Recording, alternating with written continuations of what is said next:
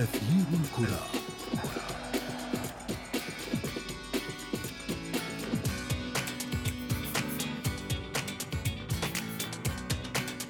الكبار يسقطون من أعلى القمم أحيانا والصغار يصعدون إليها أحيانا أخرى. فأنت حين تكون كبيرا عليك أن تقدر قيمة وصولك إلى القمة وحاجتك للبقاء فيها لأنهم لم يضعوك فوق الرؤوس والهامات بمحض الصدفة. وإنما للمتعة الكروية التي تقدمها لهم. وإن أخفقت في ذلك لفترة طويلة عليك أن تتحمل مغادرة جماهيرك الملعب قبل صافرة النهاية. ونحن في أثير الكرة اليوم. سنفتح صفحات المجد لكبار المستديرة. وسنبحث في أسباب سقوط البعض منها والانطلاقه من العناوين. اليونايتد وأرسنال بين ماض مبهر وحاضر مؤسف. وفي إيطاليا الميلان الذي أرعب أوروبا يوما بات يحتاج إلى من يرأف بمجد تاريخه. وفي فقرة ما لا تعرفونه عن كرة القدم نكشف لكم حقائق مثيرة عن ملكية الروسينيري وكيف تنقلت من شركة لأخرى بحثا عن الخروج من المأزق الاقتصادي. أثير الكرة. أهلا ومرحبا بكم مستمعينا الأعزاء أينما كنتم في لقاء جديد من برنامجكم أثير الكرة.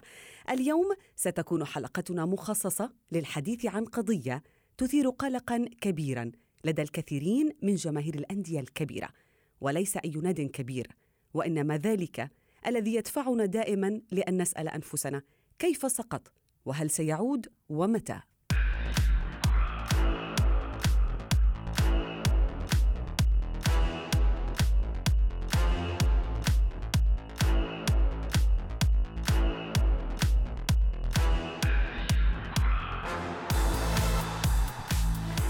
الآونة الأخيرة شهدت ملاعب الساحرة المستديرة تهاوي عدد من الفرق الأوروبية الكبيرة من القمة إلى منتصف الجدول.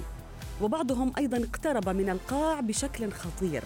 فبالرغم من تاريخ هذه الفرق العظيم إلا أن جماهيرها ترفض هذا الأمر ولا تعتبره أمر طبيعي. تفاصيل أوفى في تقرير الزميل محمد عبد السلام.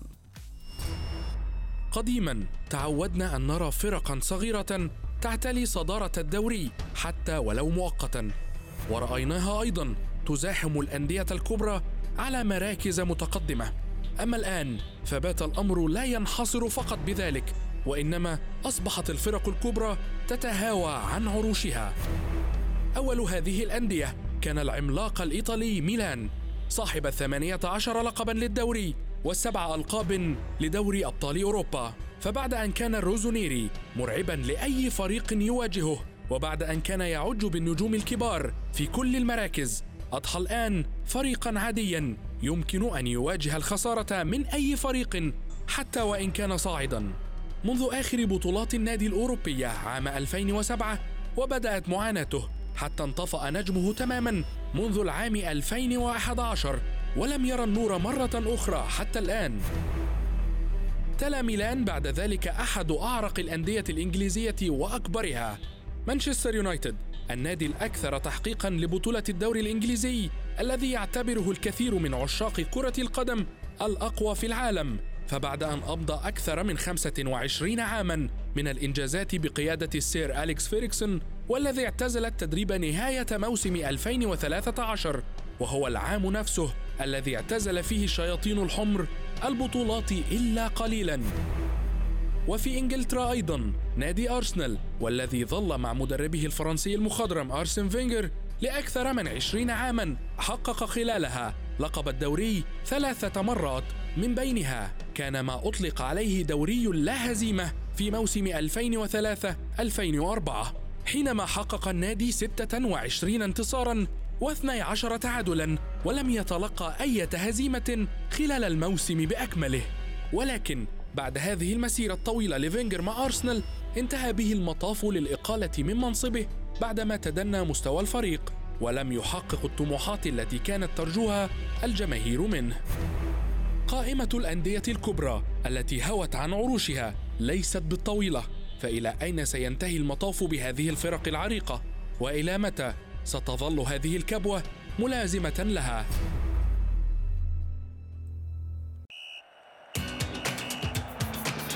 أثير الكرة.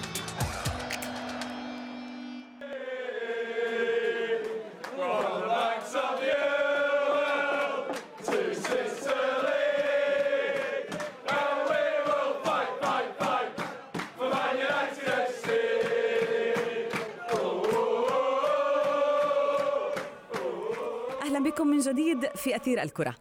لم يعد مانشستر يونايتد وأرسنال هما القطبين الأكبرين في كرة القدم الإنجليزية، بل حتى لم يعد كل منهما الأفضل في المدينة التي ينتمي إليها.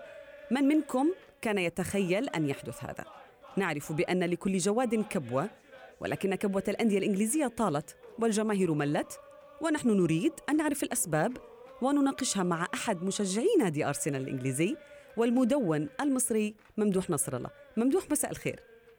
مساء الخير أستاذ شاذة لعلك بخير يا رب وشكرا لكم على هذه الاستضافة العظيمة مساء. وأشكركم على الفرصة آه، ممدوح سؤالي الأول لك كيف تشعر حين نقول بأنه قد كان هناك أرسنال ما هو شعورك عندما تتابع فريقك يعاني بهذه الطريقة وهو الآن في منتصف الجدول ويبعد تقريبا آه، يعني مسافة ضئيلة جدا عن مراكز الهبوط هو اولا آه، قبل أي حاجة هو للأسف الوضع اللي وصل له أرسنال آه، ما كانش وضع مفاجئ آه، ما كانش وضع تم بين عشية وضحاها مش مثلا كنا في صدارة الترتيب وفجأة بقينا من فرق منتصف الجدول.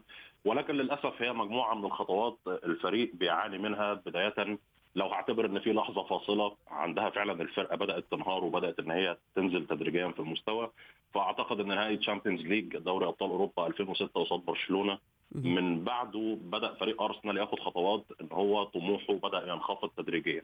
خصوصا لما دخلنا في مرحلة تسديد فواتير بناء ملعب الإمارات الملعب اللي تم افتتاحه سنة 2006 بالنسبة لنادي أرسنال وبدأت عملية تفريغ النادي من المواهب تدريجيا وفي نفس الوقت محاولة إيجاد مواهب بديلة مفترض إن هي تنتشل الفريق من وضعه الصعب. ولكن مع مرور الوقت ولما حاولنا إن إحنا نرجع للقمة مرة ثانية للأسف بقى في فروق واضحة ما بين أرسنال وما بين مانشستر يونايتد لحد فترة ما قبل السر ما, ما, ما قبل رحيل السير أليكس فيرجسون. وطبعا استثمار آه، آه، مجموعة الشيخ منصور في مانشستر سيتي وبعدها طبعا القوة الضاربة اللي ظهرت تطور يعني هناك تطور في أندية إنجليزية بالضبط، ولكن بالظبط. مكانك سر. آه، أرسنال مش بس مكانك سر هو أرسنال بدأ ياخد خطوات للخلف. بداية كمان من 2016 أو 2017 بدأ ياخد خطوات للخلف. مكانك عد يعني. بالظبط بالظبط. بدأت العملية تنزل أكتر يعني. بدأ الموضوع يبقى أصعب. تبعد عن المراكز المؤهلة لل Champions League بقى بقى خلاص دلوقتي مكانك محجوز في ال Europa League. فده صعب الدنيا أكتر وصعب المهمه أكتر وأكتر على نادي أرسنال. طب في لندن آه، ممدوح. يعني علاقة تشيلسي وتوتنهام بأرسنال يعني كيف استطاع ناديين مثل تشيلسي وتوتنهام التعتيم على أرسنال في هذه ال- المدينة؟ للأسف أنا أنا مشجع لأرسنال من 1999 مهم. آه، كان دايما في مرحلة اللي هي بداية الألفينات 2001 2002 2004 آه، كان في قوة ضاربه ظاهرة زي فريق تشيلسي. كان وقتها فعلا في عداوة حقيقية ما بين أرسنال وما بين تشيلسي. يعني فعلا في في تنافس حقيقي. آه، توتنهام ما أقدرش أقول عنه نفس الشيء لأن أعتقد إن توتنهام لو أنا هذكر مرحلة القوة بالنسبة له فمرحلة القوة تتلخص في آه، المدير الفني الأرجنتيني ماوريسيو بوشيتينو.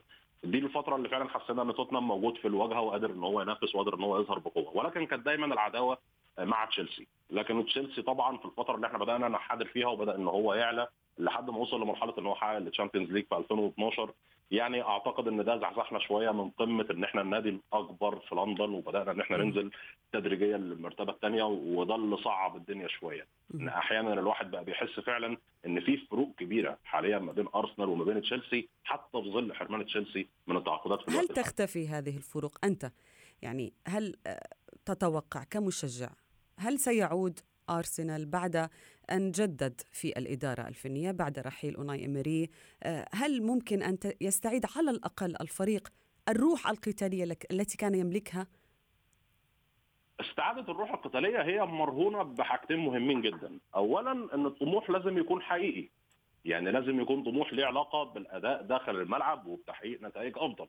لأن في فترة طويلة جدا أنت كان طموحك مادي فقط. فكرة إن أنا بحاول إن أنا أسد الفاتورة بتاعت ملعب الإمارات إن أنا كل أخلص لديها طموح مادي ممدوح يعني ليس فقط أرسنال. آه هي بعض الأندية في أندية عندها أو أغلب الأندية عندها طموح مادي وكل الأندية عندها طموح مادي ولكن هي في نقطة مهمة جدا. مانشستر سيتي قدر إن هو يحقق الطموح المادي بالنجاح داخل الملعب. صح. ودي واحدة من النقط المهمة جدا جدا. بمعنى إن هو صرف كتير كاستثمار ولكن الاستثمار اللي هو صرفه كان الغرض منه إنه يرجع المكاسب داخل الملعب بحسب تقرير صدر حتى من من صحيفة ذا اثليتيك مانشستر سيتي حاليا هو مصدر جذب للاستثمارات أكتر من مانشستر يونايتد نفسه. لأن هو نادي ناجح جوه الملعب فهو النجاح جوه الملعب ضروري عشان خاطر تنجح ماديا لأنك هتبقى زي ما بيقولوا علامة تجارية غير مرغوب فيها زي. نادي الميلان حاليا وفصل التعاقد ما بينه وما بين شركة نايك نفس المشكلة بالظبط. نفس المشكلة. عندما يعني بالحديث عن آه، مانشستر يونايتد لربما هو آه، هناك سبب يعني مشترك إن صح التعبير بينه وبين أرسنال وهو أنه عندما يستمر مدرب لفترة طويلة يا ممدوح بقيادة نادي هذا له إيجابيات كثيرة. دائما كنا نسعى للاستقرار والتفاهم والانسجام بين المدرب وبين اللاعبين ولكن بمجرد خروجه ينهار الفريق خاصة أنه أرسن فينجر أو Sir أليكس فيركسون من أكثر المدربين اللي خدموا في الأندية الإنجليزية. لماذا يعتبر هذا الأمر سلبي في أرسنال ومانشستر يونايتد بالتحديد؟ هو من ضمن الحاجات آه، موضوع تغير سياسات الكورة في العالم في الوقت اللي فيه أرسنال ومانشستر يونايتد هم مكملين بنفس السياسة. ولكن اللي حصل مع مانشستر يونايتد إن هي حاجة يعني الناس بتزعل منها بصراحة لما أنا بقولها ولكن أنا هوكل أمري إلى الله. أنا لازلت مؤمن إن السير أليكس فيرجسون مشارك في اللي بيحصل حاليا في مانشستر يونايتد. لأن السير أليكس فيرجسون يوم ما مشي من مانشستر يونايتد ساب فرقة متوسط أعمارها فوق ال 30 سنة ساب لعيبة كبيرة جدا وتقيلة في السن وحتى لما اختار مدرب إن هو يكون خليفته فهو قرر إن هو يختار بشكل أو بآخر مدرب فرق وسط وهو دافيد مويس. للفرقه بعدم تلاقي الطموح ما بين مدير فني هو جاي من فرقة لما بتحقق المركز السادس بيبقى بالنسبة لها إنجاز وفرقة هي اتعودت دايما بأي تشكيلة بأي 11 نعم. لاعب إن هي بتحقق الدوري أو بتحقق بطولة نعم. فأنا بصراحة أنا عندي رأي شخصي إن السير أليكس فيرجسون مشارك في اللي بيحصل في مانشستر يونايتد دلوقتي مع احترامي لكل هو موجود في الإدارة ولم يترك النادي صح طب ممدوح سؤال أخير آه. لضيق الوقت يعني بس آه أنت ذكرت بأنك تشجع النادي من 99 هل تفكر يوم من- الأيام بالتخلي عن أرسنال هل وصل بك هذا الحد أم أنك من الموالين لهذا النادي الإنجليزي العريق الم- ده ده ارتباط من دون. دموع لا لا ده ارتباط عاطفي يعني نعم. أنا ارسن أرسن فينجر بالنسبة لي آه، شخص اعتدت وجوده في أرسنال زي ما اعتدت إن أنا بدخل البيت ألاقي والدي ووالدتي موجودين في. البيت من وأنا طفل صغير عندي 10 سنين ف. فكرة إن أنت ممكن تتخلى صعب عن الانفصال، نعم. صعبه صعبة صعبة نعم نعم مهما حصل. نعم. مشجع نادي أرسنال والمدون المصري ممدوح نصر الله شكرا جزيلا لك.